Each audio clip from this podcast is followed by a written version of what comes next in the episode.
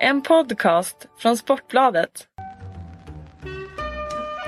In the supermarket, you have eggs class 1, class 2, class 3.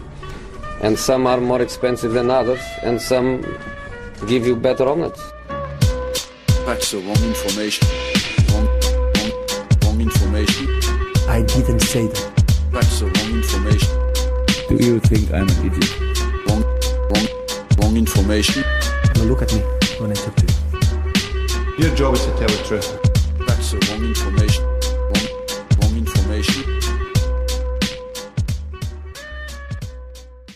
Då hälsar vi välkomna till Brasilipodden än en gång. Eh, Brasilipodden, glömde ju säga det förra gången. Så vi krädda Robin Smedberg för eh, det här tillfälliga titeln på eh, vår kära podcast som ju handlar om silly season. Handlar lite om VM nu också när det är sådana tider. Det är liksom ofrånkomligt när man pratar fotboll och internationell fotboll att inte eh, att det ska bli en hel del av det som händer i Brasilien.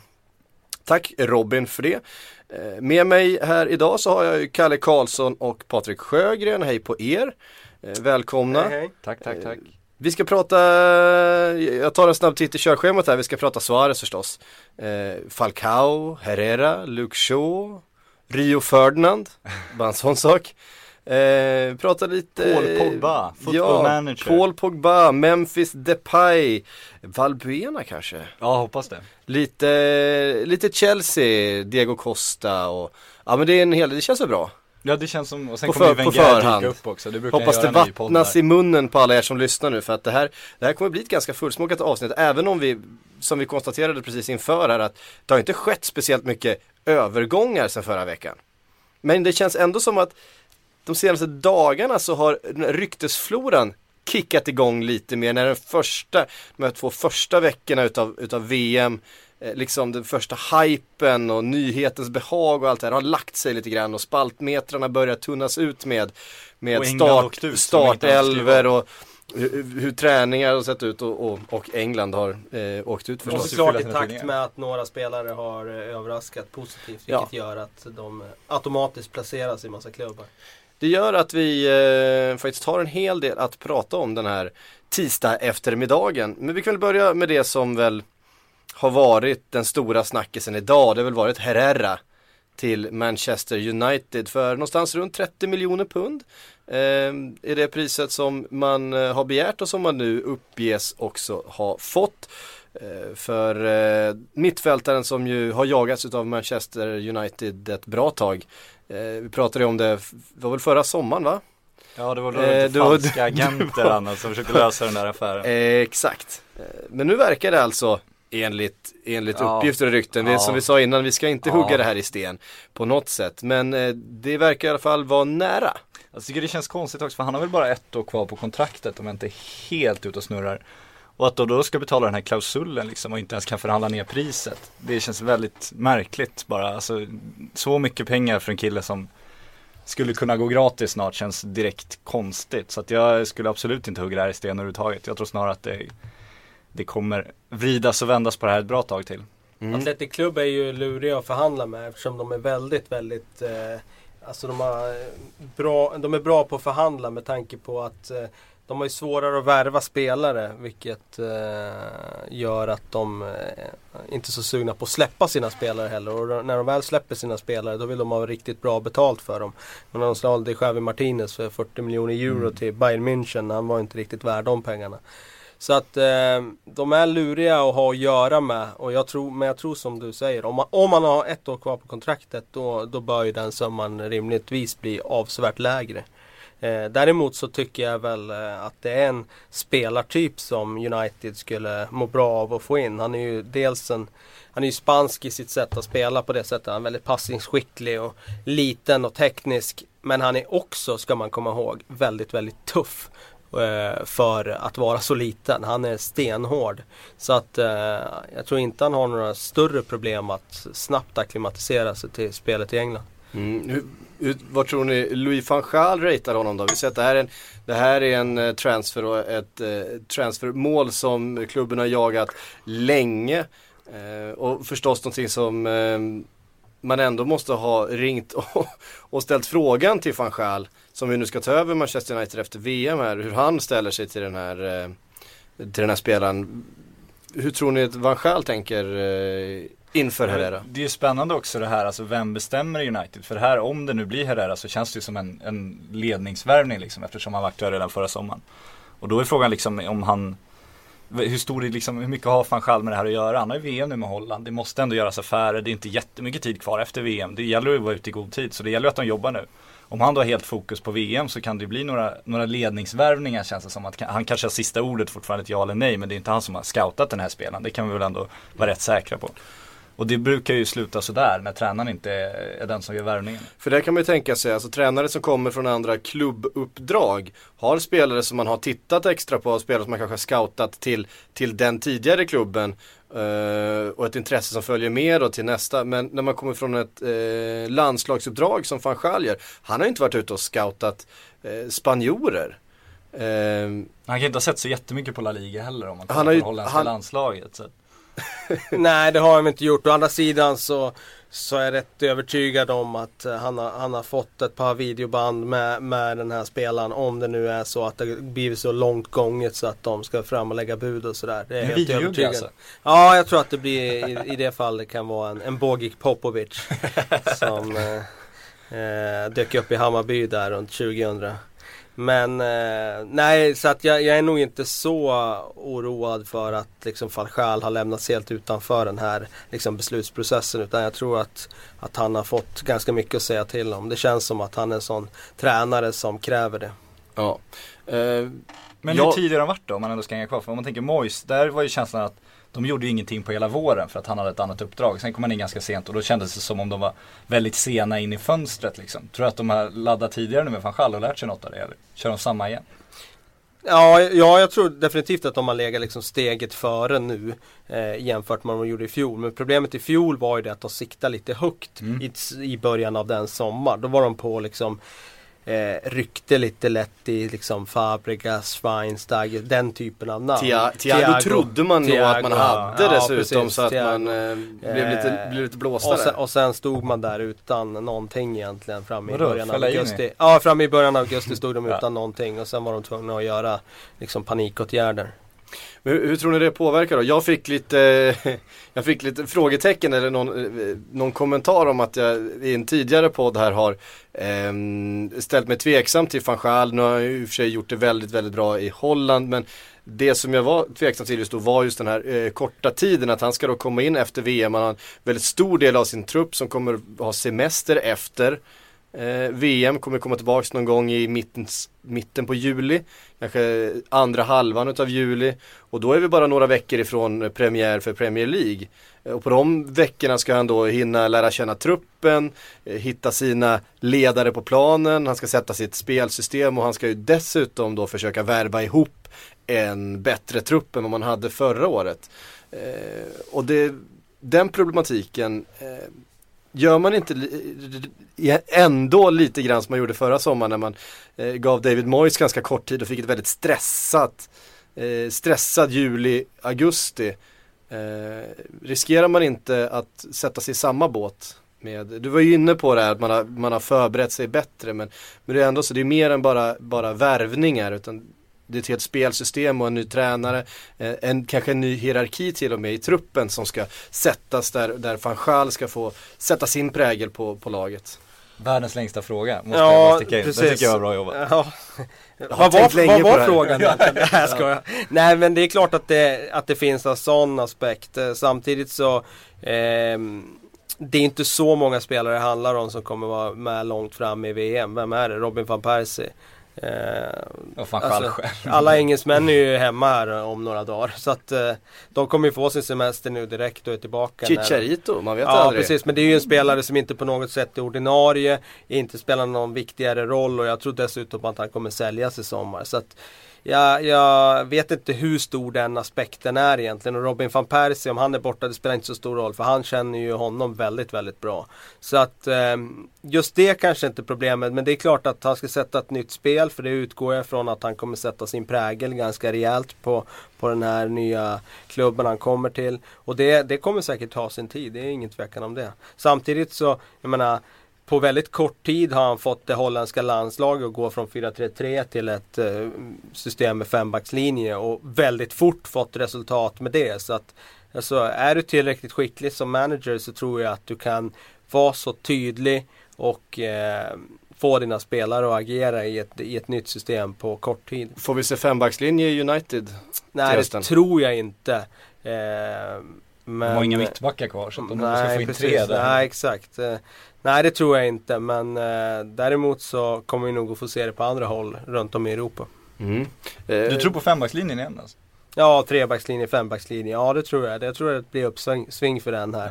Eh, det tror jag definitivt. ju Jag ska skriva det lite om det där. Jag ska grotta ner mig lite grann om det där eh, någon gång här framöver. vi får hålla utkik efter det. Vi, vi såg ju några sådana där eh, trebacks och fembacks, vad man nu väljer att kalla det, eh, tendenser under säsongen. här. Nu har vi sett det mer och mer under VM.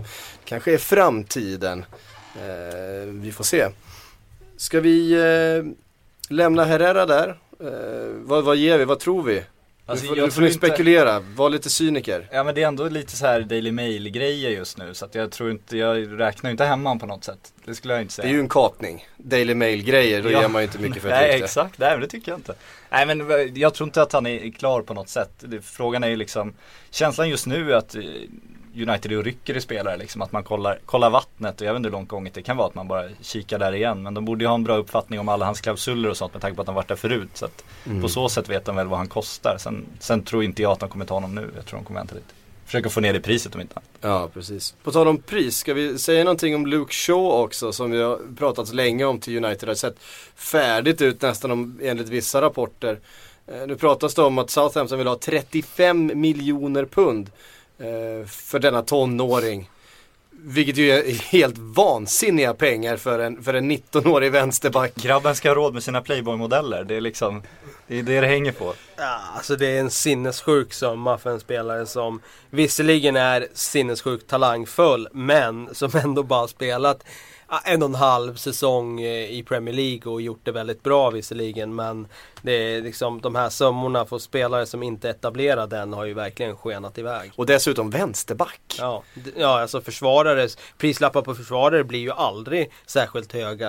Eh, men det här är ju, ja det är ofattbart. Tror ni att man eh, be- betalar det här för, eh, för Shaw? Jag tror att man är så desperat så att de kommer betala det som krävs. Eh, ehm, Sen säger jag ändå, jag har sagt det tidigare att det behöver inte vara en dålig affär på sikt för att de får en vänsterback som kommer kunna vara ett första val i tio års tid. Och jag menar, Rio Ferdinand köptes sommaren 2002 efter VM då när han varit väldigt bra, 420 miljoner. Det var en jättesumma då, det var överpris då utan tvekan. Men Tittar man på den affären idag, ja men det var ju värt varenda öre för att eh, han var otroligt bra åren 2002 till 2011 ungefär. Och ja, vad fick de ut av det liksom? Det var, det var ganska många år av eh, ja, en mittback i världsklass liksom. Mm. Eh, vi, vi återkommer till Rio om en liten, liten stund. Jag tänkte bara att vi skulle stanna vid det här med Southampton och deras, vad ska man säga, lite, lite förhandlingsposition där man egentligen kan sätta vilka eh, priser som helst. För att eh, Liverpool har ju jagat Adam Lallana. Eh, man började med ett bud som var, låg någonstans runt 20 miljoner pund, vilket många reagerade på redan då. Tyckte det var väldigt mycket för en eh, 26-åring som eh, egentligen bara har levererat i en säsong i, i Premier League. Ehm, ja, två kanske. Ehm, nu är man uppe och pratar om att ja men Lallana ska också kosta upp mot 30 miljoner. Alltså vill Saints ha då, eh, har, har förkastat ett bud enligt, enligt uppgifter i bland annat eh, Liverpool Echo som är eh, en av de troligaste, eller trovärdigaste källorna när det gäller just- Liverpool. Att man har sagt nej till ett bud på 25 miljoner pund och vill ha 30 miljoner för Adam Lallana. Eh, och där pratar vi inte om en spelare som du får 10 år av utan han, han fyller ju 27 här. Eh, om inte allt för länge. Och, Det blir ju alltid den här grejen också om du, alltså Lex Hasseborg, säljer du en spelare för väldigt mycket pengar, då kan du alltid peka på den. Ja men den här spelaren såldes ju för det här. Och nu har vi en spelare som är nästan lika bra eller som är snäppet bättre, ja men då ska ju han också kosta det här. Alltså det, man ser det där ganska ofta bland klubbar i Europa och i England inte minst. Liksom, att man använder det där som, ja men vi sålde han för det, nu ska den här spelaren kosta ännu mer. Liksom. Eh, säljer de Luke Shaw för 35 miljoner pund, ja men automatiskt så stiger ju priset på Lallana nu. då han, liksom, han var ju nominerad till priset som årets spelare. Sen väger man ändå in liksom att han är äldre och som du säger, han har trots allt bara levererat under någon säsong. Men det blir liksom som att allt hakar på då. Ja sen behöver du inga pengar. Säljer du Luke Shaw då, då kan du ju peka på det också att vi har ju, vi har nog i kassan, vi behöver inte era pengar. Ni får ju liksom övertyga oss om att betala. Men det svåraste för dem blir ju inte att få liksom Liverpool och Manchester United att betala mycket pengar. Det svåraste för dem blir ju att säga till Lallana då att äh, vi fick bara 30 miljoner pund för er, du blir kvar en säsong till. Och få honom att acceptera det och liksom eh, få det lugnet i truppen ändå. Jag tror inte han kommer acceptera det utan jag tror Nej, att jag det tror kommer bli det. affär förr eller senare den här sommaren. Det handlar bara liksom om vad kommer prissumman landa på. Ja, han får väl bråka sig bort. Ja precis, det kommer så. bli så till slut att han gör det. Men då finns det ju en förlust där också för när du ska ta in nästa engelska talang och du ska övertyga honom om att det här är liksom du kan inte övertyga en engelsk spelare om att ja men Southampton är klubben du kommer vinna Premier League med. Det du övertygar när du värvar en spelare i Southampton är att vi är liksom klubben där du kan utvecklas och sen ta nästa steg. Då måste du också visa för dem att vi, vi släpper till nästa steg. Det är som allsvenska klubbar alltid säger, vi, vi, vi är en säljande klubb, så enkelt är det liksom. Det måste man ju också vara mot sina spelare, annars kommer du hamna i en nästan en Hasseborg-sits som det blev på slutet där spelarna började vänta ut sina kontrakt istället för att det var svårt att komma loss liksom. Det är ju risken för Southampton då. Svårare att värva och liksom svårare att få spelare förlänga utan att de kräver diverse klausuler som kan göra dem, ja, lite mer lättsålda. Men vad säger det här? Jag menar Adam Lallana är ju, har ju ett väldigt stort Southampton-hjärta. Han har varit i klubben väldigt länge. Han har gjort den här resan med, med klubben. Eh, att man ändå någonstans tvingar honom inom eh, cita, citationstecken eh, att bråka sig bort, lämna in en transferbegäran från, från klubben som han så sent som i våras sagt att han skulle kunna tänka sig att spela hela, hela livet i och sådär. Men, men det mm, Ja vad säger ni om den där eh, Ja, paradoxen som, upp, jag- som uppstår att det, det måste vara ganska jobbigt för en, för en sån kille som Adam Lallana att känna att han måste Eh, liksom svika fansen. Samtidigt måste jag säga att jag förstår ju klubbledningen också för de måste ju sätta klubbens bästa i, i, liksom i första rummet. Och nu har de hamnat i en situation där de gjorde en väldigt bra säsong i Premier League men de eh, står ju inför en riktigt tuff sommar här där de kan förlora flera viktiga spelare och då måste man ju verkligen se till så att man får in rejält med cash för dem för att kunna liksom förstärka den här truppen och behålla sin plats i hierarkin. Så att eh, de kan ju inte bara liksom, ja ja, nej men nu, nu, nu låter vi de här spelarna gå för underpriser här nu. Utan jag förstår verkligen att de försöker verkligen kräma ut allt som det någonsin går. Jag står alltid på den mindre klubbens sida. Jag, jag tycker ju att de stora klubbarna alltid kör över de mindre klubbarna när det gäller sånt här. Så att jag supportar alltid de mindre klubbarna att verkligen få ut mycket pengar. Jag tycker alltid synd om klubbarna i La Liga till exempel som liksom kan sälja en Michu som gör succé en säsong i La Liga och så får de inte mer än 20 miljoner kronor för en sån spelare. Bara för att de inte har någon transfer power att stå emot liksom.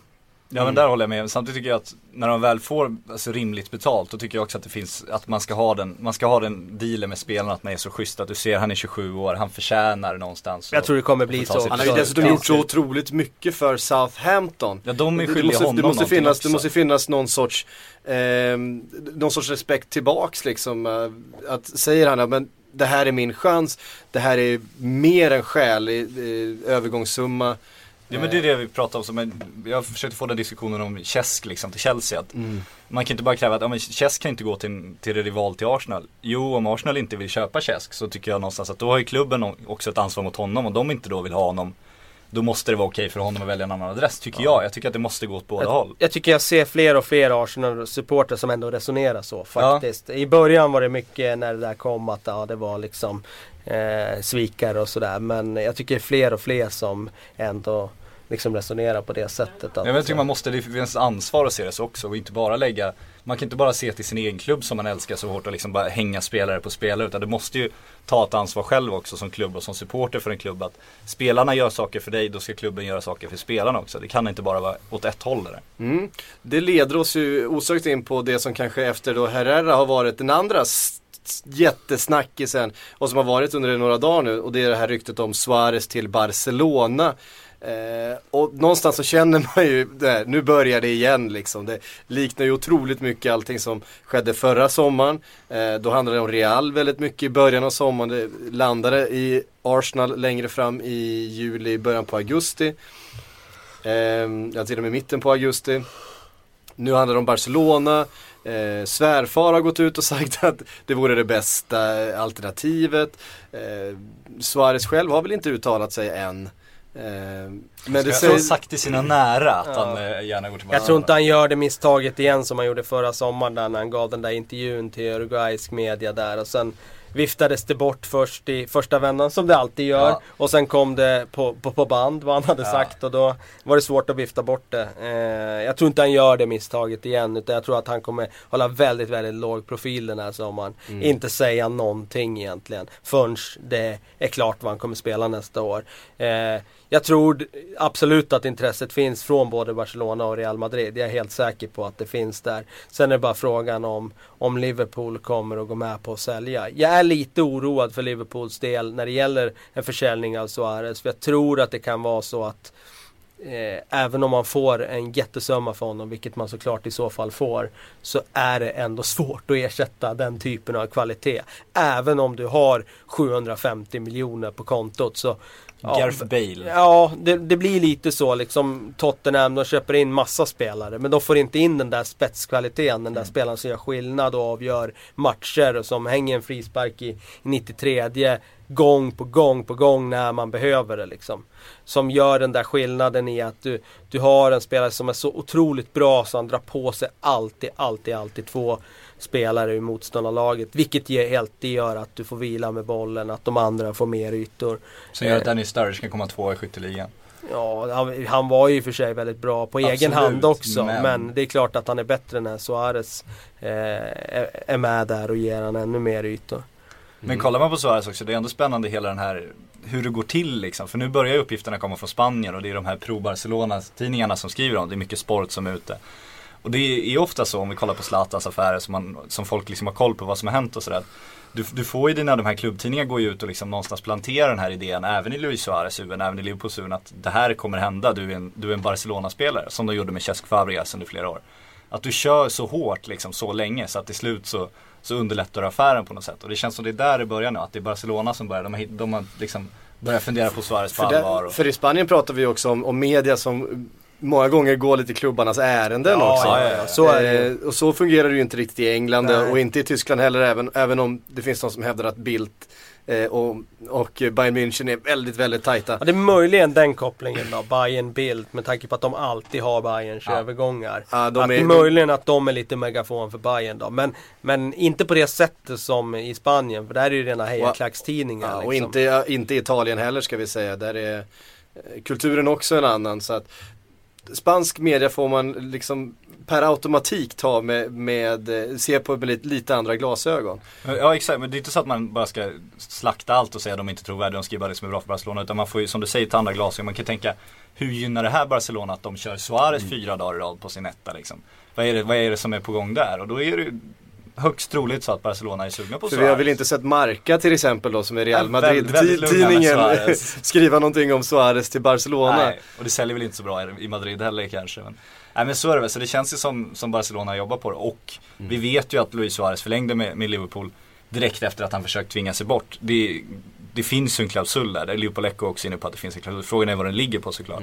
Men det är klart att han har underlättat för att en Mm. Övergång ska vara möjlig nu. Tror ni, för det, det pratades om i vintras, eh, att det skulle röra sig om en klausul som innebar eh, uteblivet eh, Champions League-spel eller ej. Att vid uteblivet eh, Champions League-spel så skulle det finnas en klausul, annars så skulle det inte göra det. Jag tror att det där är en, en täckmantel hela Champions League-grejen. Alltså det är så lätt för en spelare att säga jag vill spela Champions League, det är det jag saknar. Jag tror att Luis Suarez tror jag, det handlar lika mycket om, det är en statusfråga. Kommer du från Uruguay är det, det är ju häftigare att spela i Barcelona än i Liverpool. Så enkelt är det. Och liksom, jag tror att det är lätt att Han har ju kopplingar till Champions League. Barcelona också. Han har, eh, hans frus släkt bor där. Eh, Men bland där han var henne när han blev proffs va? Exakt.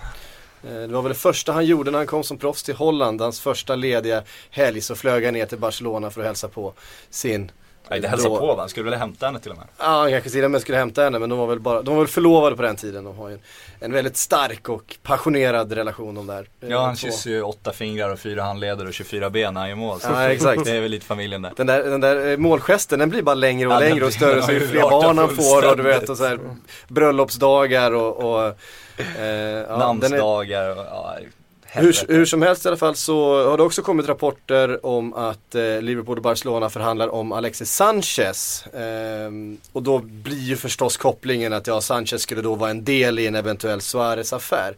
Eh, vad ger ni för de uppgifterna? Vad, vad, vad tror ni om Sanchez eh, i Liverpool? Eh, vi ska säga att Juventus och inte minst Arsenal där Wenger sägs ha träffat eh, Alexis Sanchez ehm, agent i Brasilien. Kom i strandbilder på Wenger, det var väl då när han gick runt utan tröja med sina snygga badshorts. Det, är Precis. där förhandlingarna sker. Han gillar sina badshorts. Ja, badshorts. Men det är, de där uppgifterna tror jag absolut på. Det är också Echo som är ganska tydliga med att de presenterar det som en sanning rakt av att Sanchez är någonting Liverpool försöker med. Och vi brukar ju avfärda bytesaffärer men samtidigt vet vi att när Barcelona gjorde sin senaste jättevärvning innan Neymar, det var ju Zlatan från Inter, då skickade de ändå ett sam- åt andra hållet. Så att de har gjort det förut, vilket gör att det kanske inte är helt uteslutet. Jag läste idag att det sägs då att den här Alexis Sanchez ska vara en isolerad affär. Men samtidigt så det är det så svårt att, att, att bedöma det alltså. Eh, jag har ju svårt att se att, att de skulle släppa honom bara som isolerad utan att ha Ja. någonting i gengäld då. Eh, på det. Däremot så om de skulle få Sanchez så är det en riktigt bra spelare för Liverpool. Är, han är inte en Suarez men han är en riktigt, riktigt vass spelare som, som jag har svårt att se att han inte skulle bli en riktigt bra lirare i Premier League.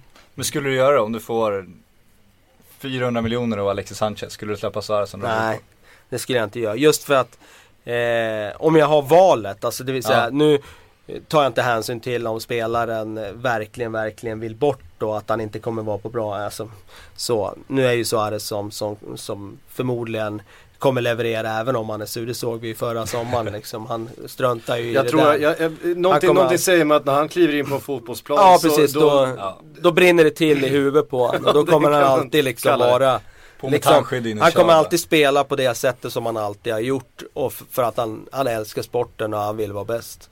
Eh, Så det är nog inget större problem. Men nej, jag ska inte, jag ska inte byta bort honom mot 400 miljoner och Sanchez. Därmed inte sagt att Sanchez inte är bra, men eh, det är just de där spelarna som gör skillnad eh, i liksom de viktiga skedena som, som är som allra viktigast. Det är ingen garanti att Sanchez blir den spelaren.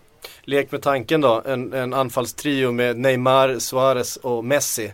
Är det den bästa anfallstrion som vi ja, någonsin har sett? Om, det, Ah, bli, om det blir så. Förmodligen den sämsta anfallstrion eventuellt. Jag tycker Neymar tycker jag är handikappad i Barcelona. Jag tycker det är väldigt tydligt i Brasilien. Där är liksom alla bollar på Neymar. Messi får ju alla bollar i Barcelona, ligger centralt, gör vad han vill. Vart, vart ska Suarez vara? Vart ska Neymar vara? Jag tror att i så fall tror jag att det blir en uppställning med Neymar till vänster, Suarez längst fram och Messi typ i den här Argentina-rollen han har. Lite Ja, så här, släpande. Ja, men liksom lite släpande fast kan ha frihet att gå ut till höger. fri och roll till höger, Ja, ja. precis. Fri roll Lite, till bro, höger. bro, li, liksom- li, lite Brolin i VM 94 känner jag. Ja, kan vara lite, dyka upp lite var som helst egentligen. Eh, och ja, då skulle jag nog säga att de kan bli den bästa trion faktiskt i världen genom tiderna. Det är ju bara att titta på de namnen. Sen är det ju så här med, med Neymar att han hade en första säsong nu där han blandade och gav en del. Men det är bara, alltså det är bara att titta på matchen igår. Han har ju sådana otroliga kvaliteter den spelaren. Det går liksom inte att snacka bort. Vissa av de grejerna han gör det är den absolut högsta skolan. Eh, och han eh, jag har svårt att se att han inte skulle förbättra sig avsevärt nästa säsong i Barcelona. Men skulle Messi ge upp de här målen då och vara i en släpande roll? Ja, Skulle det- Neymar det- hålla sig till vänster och inte få så mycket boll? Jag, jag har ju ställt mig tveksam till det där med Messi tidigare om man skulle acceptera att ta ett kliv bak. Men det är klart, värvar de Suarez så är det svårt att säga att han skulle få någon annan roll. Jag, det är svårt att säga att de skulle spela han som högerytter. Kör en Liksom. AI igen, bara sätta han där Ja, det precis. bästa. Ja, För det man får lite med Suarez är ju lite det man hade med Zlatan också. Man har ju någon som inte drar sig för att skicka iväg en verbal salva när passen inte kommer in i boxen. fast frågan är om man gör det i Barcelona. Eh, det, han har liksom en annan status när han kommer dit. Eh, så jag är inte så säker på att han kommer hålla lika hög svansföring när han kommer till Barcelona mot vad han har liksom när han är i Liverpool. Och då är frågan Så- om han blir lika bra i så fall. Det känns som det gynnar det, dem att det köra som där, är, liksom. det man kan tänka om nu Suarez accepterar det och tar den där kantrollen, då får de ju in en sinnessjukt bra eh, förstärkning. För att det var ju det han gjorde i Liverpool under den tid, den här gångna säsongen. När de spelade med Sturridge eh, liksom som ensam topp och så accepterade Suarez att ta en, en, en biroll på kanten. Och han gör ju så otroligt mycket jobb för laget då. Och kan Barcelona få in den typen av spelare så eh, känns det som att deras lag blir avsevärt starkare faktiskt. Så att, eh, ja, får de in Suarez och han accepterar att ta och lira liksom på kanten och lira en biroll till Messi, då, då känns det som att eh, det är en snuskigt bra värvning. Men, men mittback har han aldrig spelat. Kan bli omskolad, kan man alltid bli när man kommer till Barca. Men nu är inte Guardiola kvar så att eh, det var ju han som var allra piggast på, på omskola till mittback. Ja, Mascherano, eh, inte minst. Och... Alex Song. Busquets och... Eh, vi får väl se, vi får väl se vad som händer där. Eh, Real Madrid har ju förstått re- redan förra sommaren eh, annonserat att man är intresserad av Suarez. Den här sommaren har Ancelotti lite sådär klassiskt gått ut och sagt, och sagt att han tycker att Suarez är en fantastisk spelare sådär. Lite, lite kutym. Eh, på något sätt när, när ett intresse finns. Men nu pratas det istället om att Falcao ska bli deras Galactico. Ja det där är spännande, jag undrar verkligen var det kommer ifrån för det exploderar ju på Twitter det här Mm. Binesport, Beansport, jag vet inte vad man säger, det här Qatar-baserade, lite franska eh, mediehuset. Det är en tv-kanal och överallt var det helt plötsligt, ja enligt dem så är Falcao Falcao klar för Real. klar till ja. och med, ja. AS spanska skriver också, enligt, och hänvisar till franska uppgifterna då.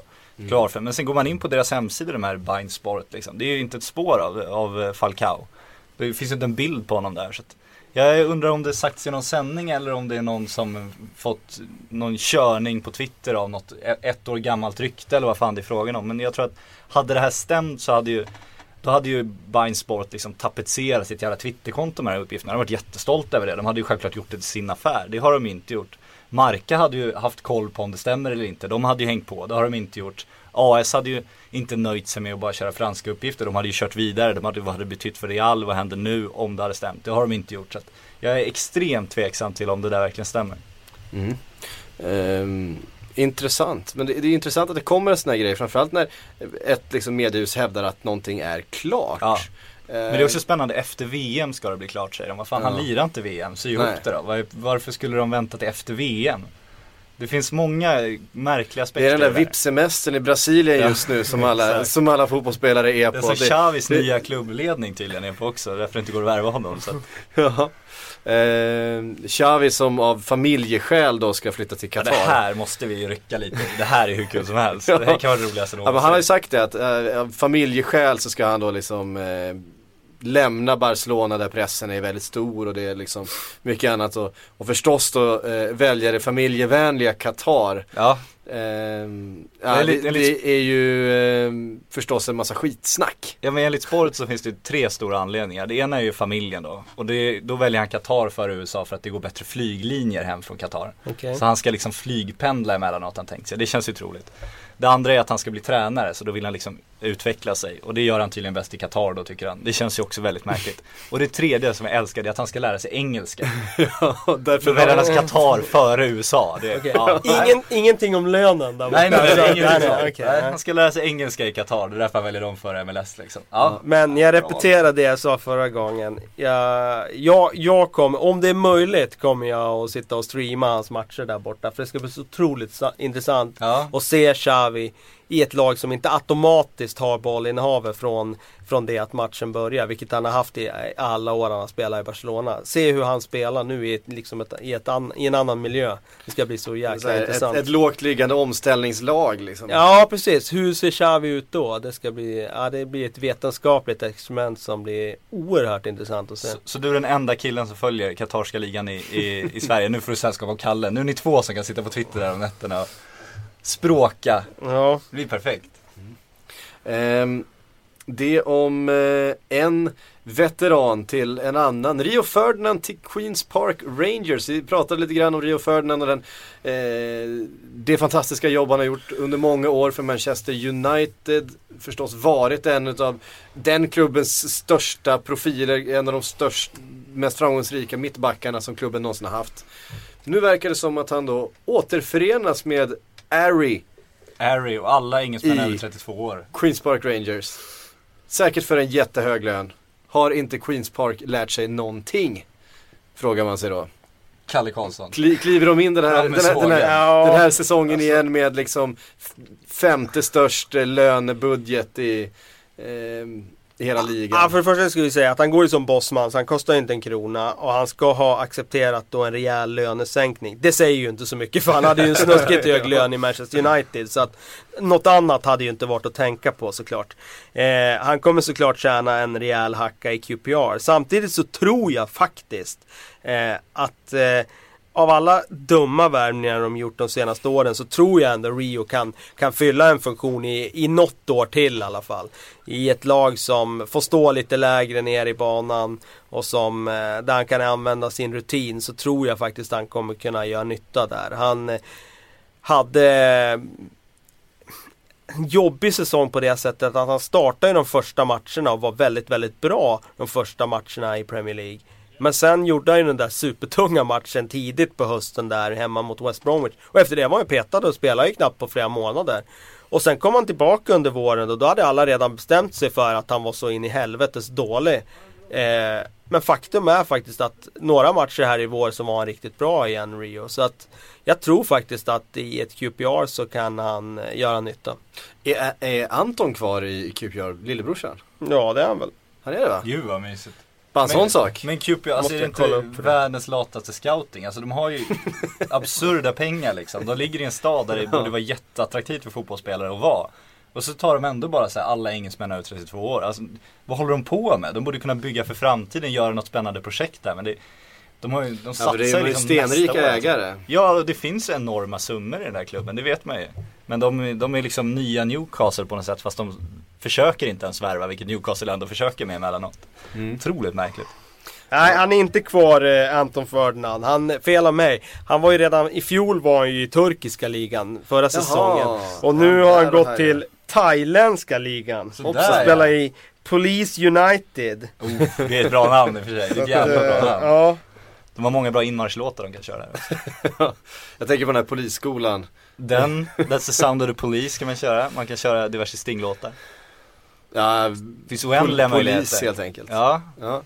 Kul, ja. kul ordvitsar. Ehm, vi rör oss eh, en liten bit ifrån Loftus Road bort till Stamford Bridge. Ehm, där ju Fabregas har klivit in. Vi pratade inte så mycket om det förra veckan. Vi fick, det var någon som var lite upprörd över att vi hade sagt så lite om, om Fabregas. Vi var inne på det lite grann här om eh, Arsenals fansens reaktion. Eh, det är många som har ställt sig lite frågande till hur många centrala mittfältare man egentligen eh, kan ha. Eh, I ett lag utan att eh, någon säger ifrån. Uppe, uppe, Fråga Pep. ja, uppenbarligen så kan man ha ännu fler.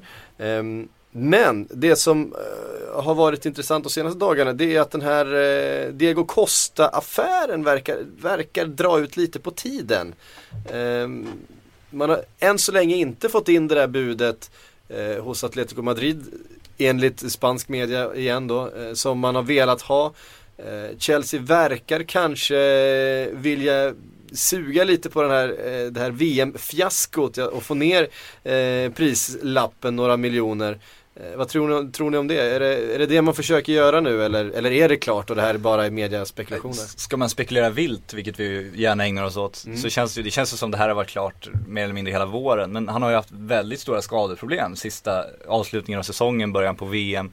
Det finns ju ändå en aspekt där man kan fråga sig, han är ju inte 21 år liksom. Det är ju en kille som, som är rätt gammal nu. Om han börjar liksom ådra sig de här grejerna, då kanske det är så att Chelsea vill, vill se sig om igen. Jag vet ju inte, det är ju vilda spekulationer, men det känns som det är en tanke de borde ha fått nu i alla fall. Mm. Frågan är i alla fall väckts att om, om den här affären verkligen är i hamn eller inte. Om det är så att det, det blir något lurt här och, och, och Chelsea börjar tveka lite grann. Vad ska de inrikta sig på då? Kanske de ska försöka behålla en Lukaku istället? eh, jag tror inte att de kommer göra det för att jag tror att eh, de vill ha in en riktigt, riktigt eh, liksom ett säkert kort och ett riktigt stort namn. Så skulle de inte få Diego Costa då tror jag att de kommer försöka med Falcao igen eller någon sån där eh, spelare. Så att eh, jag, jag räknar nästan bort Lukaku faktiskt. Jag tror att eh, det kommer bli så att han lämnar Chelsea. Jag tror också det kommer landa Diego Costa, det är ju känsla. Han har ju varit väldigt tydlig själv med att det är på gång. Och man kan ju tänka att det, är en VM som drar ut på det. Det är lite problematiskt att göra affärer då. Men som du säger, det kanske finns en förhandlingsgrej att göra från Chelseas sida nu när det gått så dåligt i VM och han har haft de här skadeproblemen. Det, det kanske är värt att ta det samtalet igen. Liksom. Mm. Det är ju en profil vi verkligen vill se i Premier League. Vi som, vi som följer den ligan väldigt mycket och eh, Ja du Vi visade ju som- en en sjuk video på honom nyss. Den var ju bland det märkligare fantastisk från, från spanska bänken när han hittar en, Vaxar Xavi Alonsos Ja, ben. han, han hittar en tejpbit som han sätter på Xabi Alonsos lår och rycker loss. Eh, och Xabi ser inte alls nöjd ut med det. Han, ger, han ger honom blicken och säger vad fasen håller du på med? Ja den vill man verkligen ha i Premier League. Det låter, det, det, så är det ju. Man vill det Man vill ha mer vaxning. mer, mer vaxade ben i Premier League. Absolut, rakt av. Det måste vi ha. Eh, Ska vi säga någonting om Fabregas då? Och rollen han kan få i Chelsea med alla dessa mittfältare. Du har Hazard, du har Schürrle, du har ehm, Matic, du har Salah, du har William. eh, Ja, men och så vidare. av de fem, sex namnen du ropade upp där var ju egentligen eh, ja, fem, fem av sex var väl yttrar. Och Fabregas kommer ju att få en av de tre platserna på centralt mittfält eh, i Chelsea. Och där tror jag han fyller en enorm funktion. För att de har inte haft den typen av mittfältare egentligen sen, sen Deco var där. Och Deco hade sina stunder men han blev ju inte, han var ju lite förbi sitt bäst före datum när han eh, gjorde den flytten. Och han blev ju inte riktigt den spelaren som Chelsea hade hoppats på. Mourinho har inte levererat den fotbollen än som jag tror att Roman Abramovic vill se. Och ska han göra det så måste han in in eh, liksom spelare som har den dimensionen. Och det har Fabregas. Vilket gör att det här, för mig är det här en otroligt intressant övergång att se om, om det räcker med Fabregas nu på mittfältet för att Mourinho ska få ett mer attraktivt eh, spelande lag. Det ska bli eh, väldigt kul att se. Ehm, men Matic, Fabregas, den balansen på mittfältet är ju oerhört intressant. Eh, det känns redan nu som att Chelsea seglar upp som, som favorit i Premier League-titeln med, med en sån värvning faktiskt. Mm. Och sen ersätter han ju Lampard kan man säga om man tittar löneutrymmesmässigt och så vidare. Så att det, han har inte lagt en spelare till på högen utan det är faktiskt en ersättare. Mm. Eh, intressant. En spelare som försvinner och som lämnar en eh, hyfsat stor lönepost i alla fall. Öppen är Samuel Eto'o. Eh, som ryktas eh, vara på väg till Italien. Han, är ju, han, han vill inte riktigt ge upp eh, eh, liksom det här livet eller den här eh, kampen om, om eh, de stora medaljerna. Men det är väl Fiorentina som rycker i Eto'o nu även om det har pratats om eh, Juventus och, och Milan och så Och så får vidare. han ge upp en av sina telefoner Han, stackarn. han har många liv den katten Ja, alltså, det får man säga alltså. Han Liksom, man tänkte att när han drar till Anchi där Ja. att ja, ja det här, är, det här är pensionsförsäkringen, nu kommer han vara på väg ut. För, nej, killen liksom åker tillbaka till Europa, gör liksom en säsong i Chelsea och nu ska han till Serie A liksom igen och, och leva ytterligare en, eh, eh, ja, ett liv där. Det känns ju som att, eh, att det mycket väl kan bli liksom ett Fiorentina. En sån typ av klubb för han. Det känns som att de som, de som lockar med, med det bästa kontraktet, där kommer han att dyka upp. Ja han verkar ju sugen på elitfotboll då, uppenbarligen. För han hade ju kunnat dra österut igen. Det är väl ingen snack om den saken. Och dra in ännu mer cash. Men kanske, kanske ändå har den här sportsliga utmaningen kvar. Mm. Då kommer man ju också in på Drogba som ju också pratas om var på väg till Italien. Eh, det kan, kan, är Italien det här nya stället där?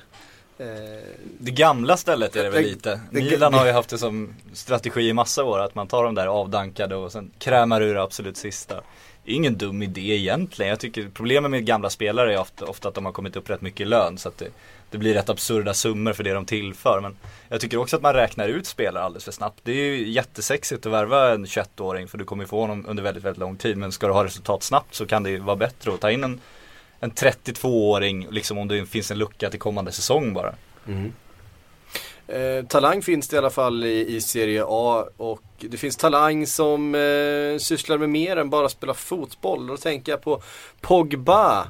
Ja, Eh, denna, hjälte. denna fenomenale mittfältare i Juventus. Eh, Som växer i våra ögon. Ja, kan inte, du, kan inte du dra historien? För det här är ju liksom din hemmaplan. Ja. Football manager. Du, Football manager. du är väl den enda utav oss som spelar football manager? Va? Nej, Kalle. Ja, jag spelade Championship Manager 97 när Ja, det fanns. jag spelade- Och sen köpte jag faktiskt Football Manager 2005 och 2007 men jag tror inte jag spelat sammanlagt mer än 3-4 gånger. Ja, alltså, alltså, ja. jag säger bara Premier Manager till Amiga 600 faktiskt, inte 500 utan 600. Eh, runt 94-95 där. Fan, Kunde du, man- du är redo för QPR, det hör man direkt alltså. Ja, jag håller med dig. Premier Manager till, eh, till, till, Till Amiga. Am- Am- Amiga 500 hade jag. Ja, jag hade 600. Eh, och även Player Manager till Amiga eh, för eh, 100 år sedan. 1992. Swishet när allt det här går ovanför huvudet på alla våra lyssnare liksom. Ja, det, det, Några utav er var med, det tror jag. Det var sån nostalgi player manager. Man Ja, drev ett lag som hette Anko United och man, och man, och man själv hette Alex Reeves i spelet. Kommer jag aldrig glömma. Jag var 29 år när, när man började i engelska tredje divisionen. Fick fightas med Reading och Wigan. Och sen liksom skulle man ta sig upp till högsta divisionen. Och då hade man själv blivit typ 32 år. Så då var man skittrött. Och orkar liksom inte springa mer än 15 minuter i matcherna. Sen var, liksom, gick man på tandköttet hela andra halvlek. Skittråkigt liksom. Ja, det är fantastiskt. Bitterheten, underbart. Ja, men det, det, det var magiska tider, men nu är det football manager Ja som nu är det gäller. fotboll manager. och, Paul och, Pogba har ju fattat det här. Han är lite yngre än vad vi är till och med. Så att han har ju fattat det. Ja, Men de filmar ju lite på Frankrikes flygplan när de skulle flyga mellan matcherna i VM. Och då hade han ju sin laptop uppe och, och lirade football manager. Och då var det ju någon, någon eh, flitig journalist där som zoomade in den där bilden och listade ut vad fan är det för lag Paul Pogba egentligen sitter med. Och då har han ju, lirar han ju med Chelsea. Han har ju satt in sig själv i Chelsea såklart. Så han lirar där med Frank Lampard på det låga mittfältet där Cheska lirar nu utan Frank Lampard. Och så hade han en Hazard, Oscar och Juan Mata framför honom. Så hade han också tagit in då sina lagkamrater Kwamos Asamoah och eh, Chiellini då. Hade han värvat in tillsammans med Jesse Rodriguez från Real Madrid som var ensam anfallare. oj, oj. Så att eh, om man ska dra lite Alltså, det här är. Ja det kan man göra. Det här är ju bevis. Ja, jag menar säga för att han menar det. egentligen kommer spela i Chelsea. Absolut. Med alla de där spelarna Absolut. redan i höst. Han och Jesse liksom. Ja. Det är ju rakt in bara. Chiellini. Ja, det är magiskt. Ja det är magiskt. Men det visar ju ändå att han kanske, det, det är inte bara United som gäller i Premier League för Paul Pogba. Alltså, han kan ju se sig i en blå tröja uppenbarligen. Ja, nej, det, så är det nog. Ja. Men då är frågan, det är väl ändå PSG som eh, Pogba hamnar i till Det slut? känns eller? ju som det hetaste och den klubben som är, kommer vara beredd att lägga Ja. mest pengar. De är ju supersugna på att få in en fransman som, som ska bära det där projektet. Och vem skulle vara bättre än Paul Pogba egentligen? Det finns ju ingen. Och det har ju alla kopplingar. Du har franska kopplingen, då agentkopplingen med Raiola som inte skulle ha något emot att lösa den affären. Då är det där stort namn liksom Ja. att hänga upp hela sin satsning på. Han känns ju som den mest lovande spelaren i Europa kanske. Ja. Och, och få in den spelaren i det här läget när PSG är på väg framåt. Det skulle ju vara en enorm kupp för dem. Och det behövs ju också om vi tittar på Zlatan. Han, han kommer ju gå ner nu. Och hans marknadsvärde kommer ju liksom, det är han som är den stora profilen. De måste ju fylla den luckan sen kommersiellt också. Ha det där namnet de kan sprida över världen. Och det är svårt att göra med en Thiago Silva som är mittback. Det är svårt att förklara. De, de hoppades väl lite på att Lukas kanske skulle blomma ut till någon Neymar här också och få något så kommersiellt värde i Sydamerika. Men det går ju sådär. Så att de skulle ju behöva det där supernamnet. Och där kan ju faktiskt Paul, ba, Paul Pogba med sin häftiga frisyr sälja lite tröjor, det tror jag. Eller Grisman som SVT-kommentatorerna sa under en hel att han match. Ja. heter. Ja men jag gillar Grisman, det är ett bra Grisman, uttal. ja det var väldigt bra. Eh, på tal om Grisman så har det ju varit ganska tyst om Grisman här under VM faktiskt. Lite konstigt faktiskt för att han eh, var ju superhet på marknaden inför mästerskapet. Men det kanske är så att de bara avvaktar nu vad han presterar här. För det känns ju som att det kommer ta fart efter VM gällande han. Ja och jag såg lite förhoppningar från Arsenal-fans att den här Carlos Vela-affären skulle öppna lite dörrar där mellan Sociedad och dem. Kan ju vara så. Carlos Vela alltså klar för En, Real den Sociedad. enda, ja men det är väl det och den och Rio Ferdinands eh, Bosman övergång där som Och, är, och Xavis avskeden då får vi väl räkna in som har hänt. Men det sorterar jag i alla fall in under kontot väldigt, väldigt roligt besked med Carlos Vela. För att mm, nu gjorde ju Real Sociedad en väldigt bra säsong i La Liga. Och eh, det är samma sak som med Southampton där farhagan är att de tappar ett helt sånt lag. Jag menar de tappar Jeramendi inför den här säsongen. Claudio Bravo går. Eh, Griezmann. Skulle, ja, skulle Griezmann också nu då eh, gå så, så är det ju enormt tunga tapp. Men nu får man alltså kvar Carlos Vela till 2018 tror jag han signar till. Eh, otroligt bra besked för Och- La Real. Och en bra slant till Arsenals eh, förmodat redan ganska stora transferbudget. Eh, 11 miljoner euro pratas det om att eh, Arsenal får för den här affären för då den delen utav Carlos Vela som man fortfarande ägde. Och 20% i vidare påstås det. Mm. Vilket också är bra att förhandla in på en sån spelare. Mm. Och man har dessutom en återköpsklausul. Eh, läste jag. Ja. Så om man, om man vill så nästa sommar så kan man göra ett nytt försök och då har man första tjing om, om den här succésäsongen eh, som man hoppas på då i Real Sociedad eh, blir av. Ehm, fler succéspelare eh, från La Liga eh, så har vi Willy Caballero som inte spelar VM. Eh, nu är inte KK här, han är ju annars eh, Tack och lov. han är, han är ju kanske, kanske Willys största supporter annars. Han håller, han håller ju inte på lag, KK, han håller ju på enskilda spelare och Willy är en utav dem. Ehm, Det är väl nästan bara han han håller på nu. ja, just, nu, just nu så drar han. Det var ju faktiskt märkligt eh, att han inte var eh, uttagen i Argentinas trupp. Det tror jag alla är överens om. Och det är ju märkligt att han dessutom inte är första målvakt i Argentinas trupp. Men eh, jag, jag delar väl inte KKs, eh, vad ska man säga, Full, full, fullständiga. fullständiga fascination för Willy Caballero. Eh, nej, han, han det blir ju nästan lite rättshaveristisk i, i blicken när man eh, börjar prata om det Ar- argent, argentinska landslaget och, och Willy Caballero. Hur som helst så ryktas det om att Manchester City vill förstärka, man har släppt Pantilimon eh, och vill nu förstärka målvaktsposten bredvid Joe Hart med Willy Caballero. Och då hamnar man i situationen, ska man, ska man verkligen ha två stycken så bra målvakter, sådana uppenbar, uppenbara första målvakter eh, tillsammans? Nej, men Det känns också som om, om City är smarta nu med tanke på det här FFP-straffet och så vidare så det, det logiska är ju att ta in en gammal engelsman som man kan lita på som du kan ha där bredvid som du kan ha som någon homegrown spelare så du i alla fall slipper dra loss en till från Champions League för att ha en andra målvakt med liksom. Så jag tror snarare att det är det de tittar på. Det skulle vara konstigt någonting Caballero liksom de litar ändå på Joe Hart. Jag tycker de har visat det väldigt tydligt. Ska de in så verkligen så tydligt konkurrera med honom, det tror jag inte gynnar någon av dem. Mm. Eh, om vi stannar i Manchester City så eh, har det pratats åt andra hållet eh, Men eh, Negredo till eh, Atletico Madrid som då skulle vara en ersättare för Diego Costa som vi förmodar ändå blir klar för eh, Chelsea under sommaren här. Ehm, har nämnts en massa olika transfersummor, allt från 15 miljoner upp till 25-30 miljoner för Negredo. Vad, vad tycker ni är ett rimligt pris för honom? Han är inte jätteung längre så jag skulle säga 15 faktiskt. Eh, det känns rimligt med 15. Eh, med tanke på att han dessutom hade en väldigt tung vår i Premier League. Vilket känns som att det drog ner. Ja, om nu prislappen skulle sticka uppåt. Eh, efter första halvåret så känns det som att den stack neråt rätt rejält Mm. efter den våren han gjorde. Sen är han väl 29 typ. Eh, och ja, för mig så är det väl 15-20 någonstans däremellan. Och då snackar vi pund, kan vi säga. Inte svenska kronor. Nej, det...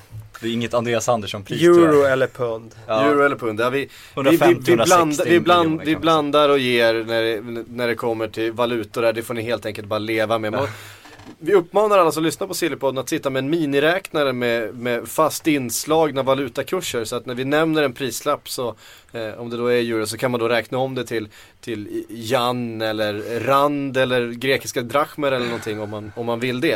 Eh, för att få en enhetlig eh, eh, bild av det hela. Det, det presenterar nämligen inte vi. det står vi fan inte för. Nej, det gör vi inte. Vi ska få en scoutingrapport här utav Kalle Karlsson om en liten stund. Jag är väldigt intresserad för jag har faktiskt ingen aning om vem du har eh, gjort scoutingrapport om. Jag glömde fråga dig innan. Willy. Caballero. ja, Ja, precis. precis. Men jag tänkte att vi skulle före dess bara prata lite om några utav succéspelarna i VM hittills och eh, lite rykten kring dem. Jag tänkte vi skulle börja med att att nämna Valbuena. Mm. Eh, den fantastiske lille fransmannen. Eh, Som vi älskar. Ja men som har så mycket, så mycket fin fotboll i sig, Ja. i sin lilla, lilla kropp. Vad underbar. Eh, 1,67 lång. Ja, han, är, han ser ju kortare ut också. Han har en konstig kroppsbyggnad som gör att han, han ser ju kortare ut än vad Dries Mertens gör. Och det är Mertens ändå betydligt kortare än vad Valbuena Ja det förvånar mig faktiskt Ja. att Mertens var så mycket som 3 cm kortare än Valbuena. Jag trodde Valbuena var den minsta fotbollsspelaren genom alla tider. Det var någon look som gör att han ser ju ännu mindre ut alltså. Ehm, nej, det finns väl, det finns väl fler som är, som är i den där klassen. Men Ja, den det där- är, Aston Villa hade ju en gammal vänsterback som hette Alan Wright som jag tror var 1,63 eh, på sin tid. Oerhört fin vänsterback för övrigt. Men man älskar det när det kommer ett inlägg och Dries Mertens står liksom och, och det kommer en boll han inser, ja jag borde ju hoppa men det, ja, men det är fan ingen idé. Alltså, jag gå på andra boll istället. Exakt, jag ställer mig bredvid och hoppas. Du står med hjärna still, men vad heter den lille killen i Juventus? Eh, Giovinco. Jovinko ja. Han är väl i den storleksordningen? Hur, hur, hur som helst, Valbuena eh, har det pratats om till eh, Paris Saint-Germain. Ja, det har väl pratats ganska mycket. Jag tror inte att han kommer gå till PSG, det känns väldigt konstigt. Han är, ju en Marseille-kille Det nu. känns, som, ett, känns som ett obekvämt byte. Ja, det är, det är en väldigt stökig övergång och det han sagt när han liksom har varit ute och flaggat för att försöka få igenom en transfer är att han vill testa en ny liga. Och man vattnas ju munnen av att se en sån kille i, i Premier Vi återkommer ju ofta till Premier League men just när han har den lite Jag annorlunda tror du skulle fysiken. säga La, La Liga. Ja men jag är lite sugen på, alla liga Ja, tror jag han hade passat, klivit rakt in i. Det Ja. är inget som helst tvivel på att han hade passat perfekt som handen i handsken. Det är därför jag vill se den typen av spelare in och, in och visa vad han kan i Premier League. Det har varit sjukt spännande tycker jag. Men La Liga känns som det logiska, det håller jag med om. Och jag tror också att ett, ett eh, inte ett mittenlag men de här som liksom krigar under Barca och Real tror jag skulle vara jäkligt Valencia eller något Ja. sånt där. Ja. Som även har tittat mot den franska ligan Sevilla. Atletico Madrid kanske. Eh, jag, det är en fröjd att se honom faktiskt eh, i VM nu. För nu får han visa vilken otroligt begåvad fotbollsspelare han är. Eh, så jag hoppas han gör den här flytten i sommar. Det vore kul att se han som du säger i en större liga. Eh, men jag föredrar nog, föredrar nog La Liga i hans fall före Premier League faktiskt. Ja, jag tror också det passar bättre men jag, rent egoistiska skäl så vill jag ha dem i Premier League. Eh, bra, då har vi nått fram till den här punkten då vi ska få lyssna på en scoutingrapport. Vi, vi spelar vår lilla scoutingvinjett. Och sen Som vi så, älskar. Som vi tycker väldigt mycket om. Ja. Eh, mycket nostalgi där. Och sen så eh, kommer vi tillbaks till eh, Kalle Karlsson eh, och veckans scoutingrapport.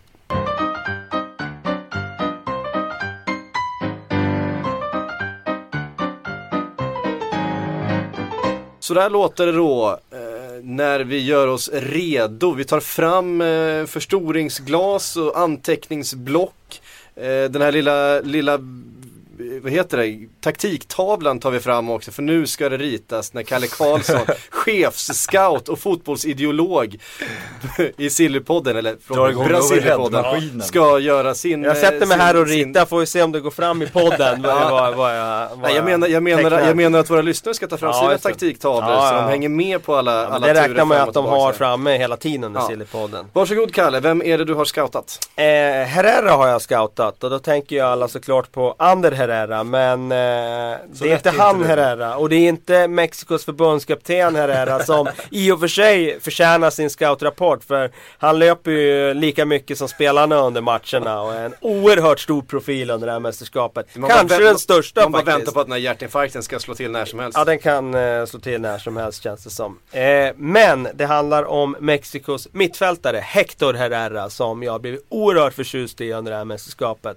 Eh, redan i första matchen mot Kamerun så, så fastnade jag för den här spelaren. Och de som känner till honom ännu bättre än vad jag gör, de fastnar säkert för honom redan i, under OS i, i London 2012. För han var med i det mexikanska laget som gick och tog guld där. Eh, redan då var det lite eh, rykten om eh, intresse från England, bland annat Manchester United. Eh, men han blev kvar då i Pachuca, eh, sin mexikanska klubb och gick efter, istället sommaren efter till Porto. Och Porto är ju, som vi alla vet, väldigt duktiga på att scouta den sydamerikanska marknaden. Och de gjorde sin läxa den här gången också. De fick en alldeles utomordentligt skicklig mittfältare. Och, och, och nordamerikanska uppenbarligen då. Eh, ja, av. Centralamerika, ja precis. Eh, Fick jag, fick jag vara lite sån också. Ja. Eh, och eh, eh, det här är en sån här mittfältare som eh, har lite av varje. Eh, tuff, duktig bollvinnare men har dessutom ett otroligt eh, stort spel i sig. Skicklig passningsspelare och visar ju bara senast här mot Kroatien att han dessutom ett väldigt, väldigt fruktat distansskott. Han skickar iväg en vänsterkanon så, som eh, gjorde att eh, ribban darrade i, i flera minuter efteråt. Så att Hector Herrera Eh, är eh, min spelare den här veckan och eh, jag utgår från att det kommer finnas väldigt stort intresse för honom efter den här turneringen. Sen är det ju som alltid väldigt svårt att förhandla med Porto. Den summan har ju stigit markant nu. Han köptes för 8 miljoner euro förra året. Eh, ja, det är minst det dubbla priset nu. Minst. Eh, 24 år är han. Så att eh, han har många år kvar att, eh, att ge till eh, sin nästa arbetsgivare. Så att eh, ett Manchester United som är ute efter mittfältare, om man inte löser Ander Herrera så tror jag att man har faktiskt en minst lika bra spelare här i Hector Herrera. Tänk om man löser båda. Precis, Herrera Herrera. Bara trycka upp tröjorna nu. Inget att förlora. Hon i hagen. Oh, förlåt. Oh. Herregud. Ja. Herre herregud. Ehm, Nej, nu, nej. hade du bott i Göteborg sa du eller? Ja, precis. Det är därifrån.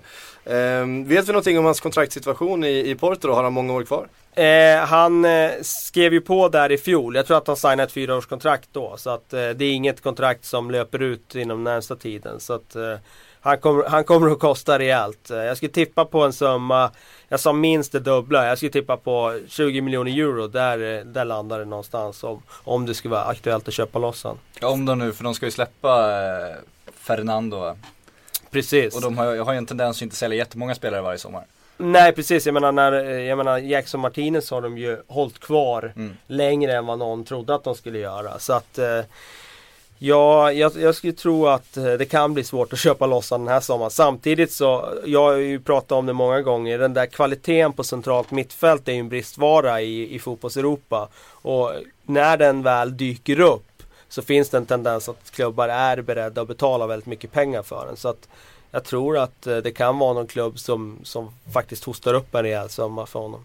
Ja och gör han ett tillräckligt bra VM så att han liksom blir en sån superprofil Då går det ganska fort att, få någon att betala det för då stiger även marknadsvärdet på dig av kommersiella skäl Vi har lite Salas och Zamorano och andra som inte var så jättestora innan som helt plötsligt var liksom världsartister som gör att det, det blir mer motiverat att betala de summorna mm.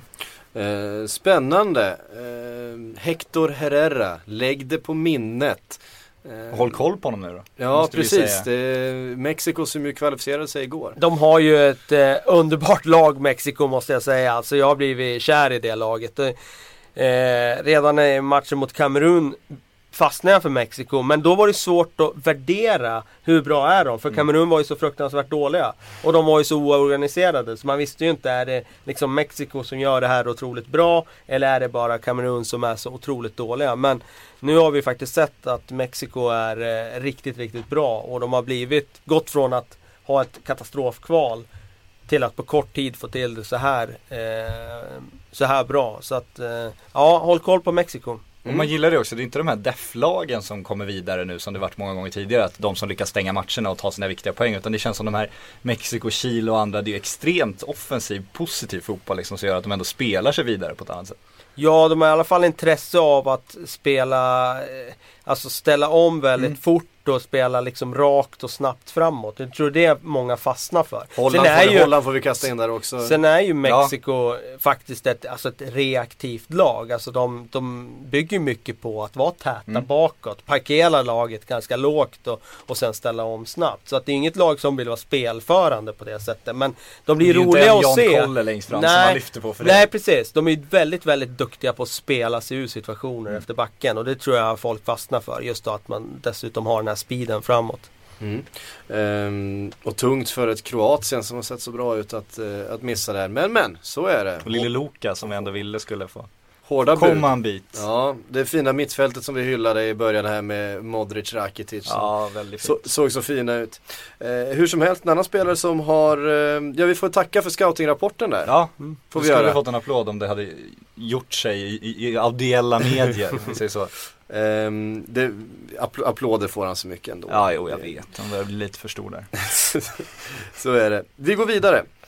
Eh, en annan spelare som har gjort eh, ganska mycket väsen ifrån sig från en ganska undanskymd tillvaro före VM var, är ju Memphis Depay. Som satte 2-0 målet eh, igår för Holland mot Chile. Efter ett eh, makalöst förarbete av Arjen Robben. Det är en spelare vi känner till. Å andra Ja, sidan. han behöver nog inte berätta så mycket om. Ingen scoutingrapport på Nej, Arjen den är Robben. nog färdig. Fast det är intressant med Arjen Robben, om han hade haft hår och varit betydligt snyggare tror jag att han hade varit en ännu mer firad fotbollsspelare. Ja men så är det ju. Alltså utseende är ju viktigt eh, på det sättet. Det är ju ingen tvekan om det. det är, jag brukar alltid dra den där parallellen till om liksom Jämför Hen- Henrik Lundqvist, om han inte hade Ja. sett så bra ut, hade han varit lika liksom stor som han är nu? Då, nej, det hade han inte varit. Nej. Han hade varit en jättebra hockeymålvakt, men han hade inte varit fenomenet Kung Henrik. Kung Henrik som han kallas i, i alla sammanhang, eller i Hela vissa, tiden, vissa sammanhang. Så att det är klart att det är så att uh, utseende spelar roll, det är ingen tvekan om det. En, en enkel scoutingrapport på, på Arjen Robben hade det varit i alla fall att han, han gillar att utmana rakt framifrån, glida in med sin vänster och skjuta. Ja det har nog alla noterat tror jag. Men det fenomenala är att det ändå inte går att, det är ju, ju Han Messi-syndromet. är, han är, alla så, han är så bra på det så Ja. att det, det går inte. Fantastisk match gjorde han igår. Han är så vidrigt snabb, alltså riktig atlet. Han är ju en löpare helt plötsligt. Alltså, han har ju... Ja det har han väl alltid varit Jo för men jag tycker att han har, det steget han har nu har jag inte sett att han haft tidigare på det sättet. Han är ju fullständigt överlägsen i det nu. Ja, han blivit jävligt speedig på äldre dagar. Han blir snabbare, snabbare. För, förarbetet till 2-0 målet, eh, er som inte såg det igår så kan jag rekommendera att, eh, att googla fram det på något sätt. Det är hög kvalitet och Memphis Depay som sagt eh, kunde bara stöta in den bollen i, i, bort, vid bortre stolpen. En spelare som har fått ett genombrott, det ryktas om att Spurs är och rycker i honom.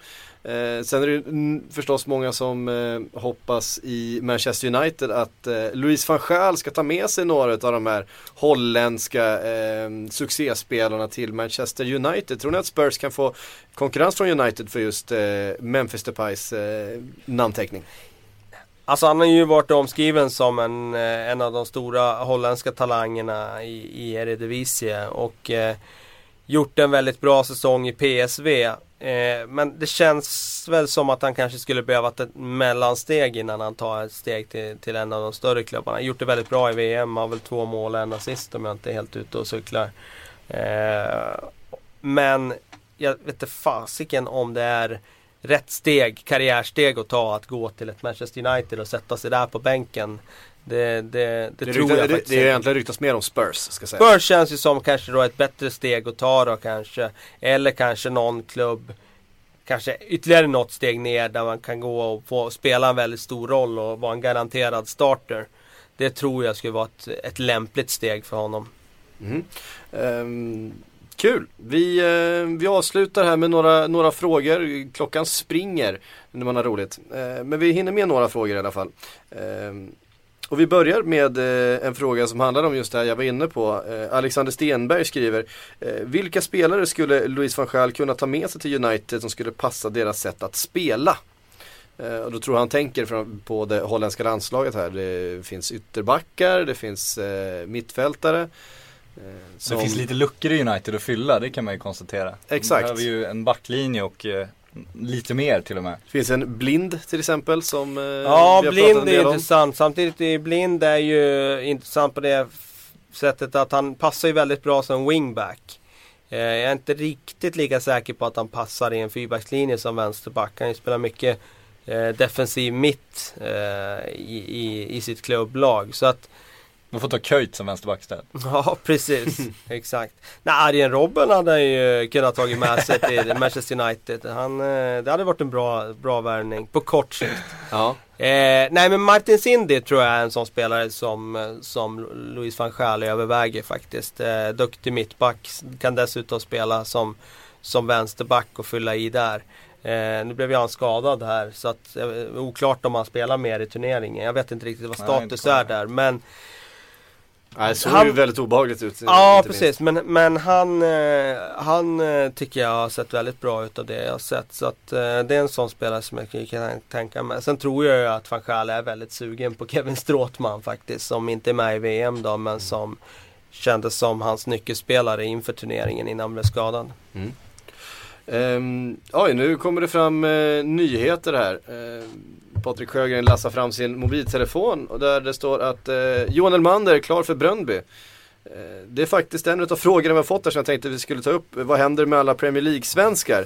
Nu var ju Elmander bara utlånad eh, förvisso, men lämnar alltså Galatasaray och eh, den frysboxen för kan, vad vi kan förmoda en lite mm, Tröja Var- 11 får han väl? eller? varmare tillvaro i den eh, danska ligan och eh, Bröndby. Ja, sin gamla klubb som eh, Ja. flörtade intensivt med honom när vi var i Danmark och de led träningslandskamp där. Då märkte man att de danska journalisterna var ju bara intresserade av Elmander och skulle försöka få hem honom.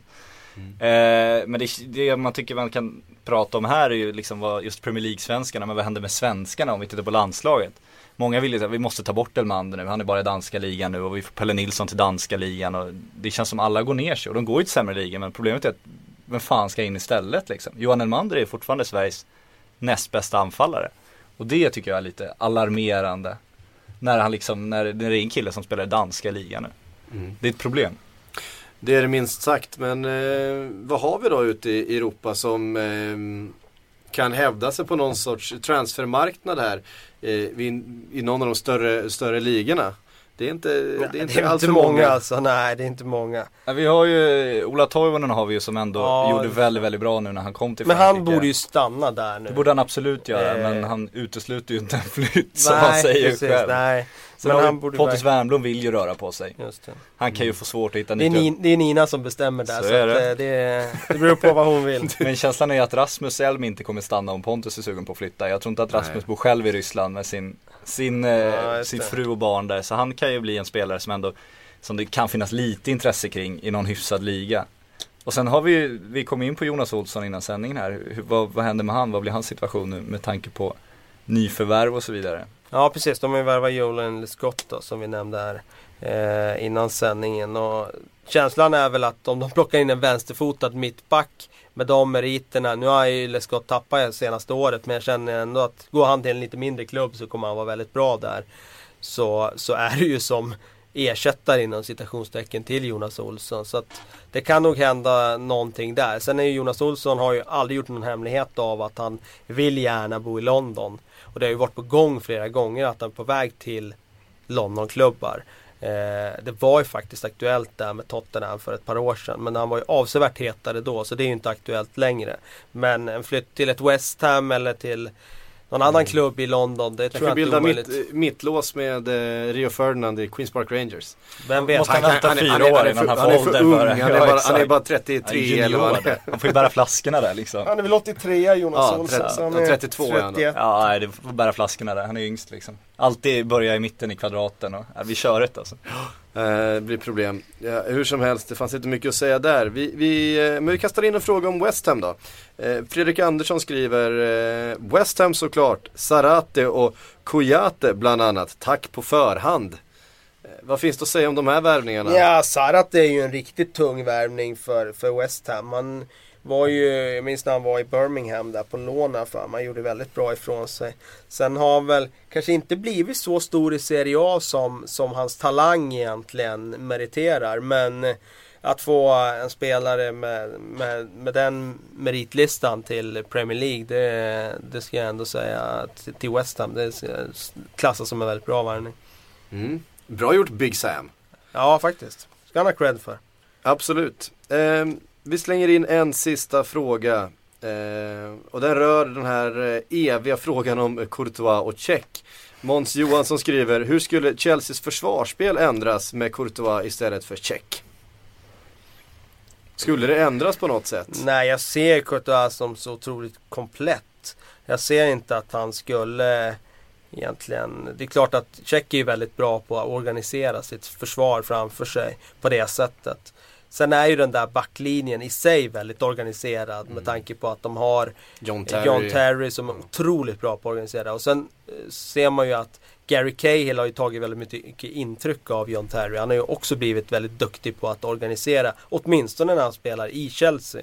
Eh, kanske inte lika mycket när han spelar för Englands landslag. Men eh, jag tror att många målvakter skulle ha väldigt enkelt att spela bakom den backlinjen som finns i Chelsea. Och jag, jag kan inte se att Courtois skulle vara någon Alltså någon skillnad mot Check där. För han är ju också väldigt, väldigt duktig i luftrummet. Han är duktig med fötterna. Han är ju samma typ av målvakt som, Mm. som Check. För det är det man tänker, är det någonting som Check har som Courtois inte har är att Check idag är en stor ikon och en av ledarna i den gruppen. Men det vet vi ju inte om, om Courtois också skulle bli om han, eh, om han kom in. Det är kanske är läge att få in honom då innan de börjar bygga om backlinjen som ändå de ofrånkomligen kommer få göra snart. Att man får in honom och liksom spelar in honom innan. Så att man inte måste byta både målvakt och backlinje samtidigt. Eh, det kändes som, som Check och Terry är, är otroligt viktiga för strukturen och struktur är ju någonting som José Mourinho eh, uppskattar. Eh, inte, minst, inte minst i det defensiva spelet. Det är nog raka linjer i hans inredning också tror jag när han är hemma. Det är, det är nog raka linjer i allt tror jag. Så är det nog. Eh, det får faktiskt bli de avslutande orden i ytterligare en väldigt lång podd. Det är så. Tiden går. Kalle Ungefär- säger, det vad är för att du ställer, så, det är du ställer så långa frågor. så det tar ju två minuter. Så Och att, eh, formulera, ja. ja. jag, Så jag kommer det ett ja eller ett nej och så går vi vidare. Om det vore så väl, om det vore så väl. Nu tänker jag faktiskt eh, ta lite semester. KK kommer eh, ta över Aj, aj, aj. Sillypodden här under några veckor framöver. Caballero-podden. Caballero-podden. Eh, vi räknar med att eh, både Patrik och Kalle och många andra från vår eminenta Silly-redaktion, eh, ni följer väl oss på bloggen, eh, kommer att dyka upp här under sommaren. Det ser vi fram emot. Jag ska lyssna med tillförsikt och glädje på allt som sägs den här sommaren. Så eh, tills jag är tillbaka får ni ha en trevlig sommar och eh, ni som följer podden, ni hör Sillypodden igen, eller förlåt mig, Brasillypodden igen eh, om en vecka igen. Ha det fint, hej! I think I worked for 16 years here in England and I deserve a bit more credit than wrong informations.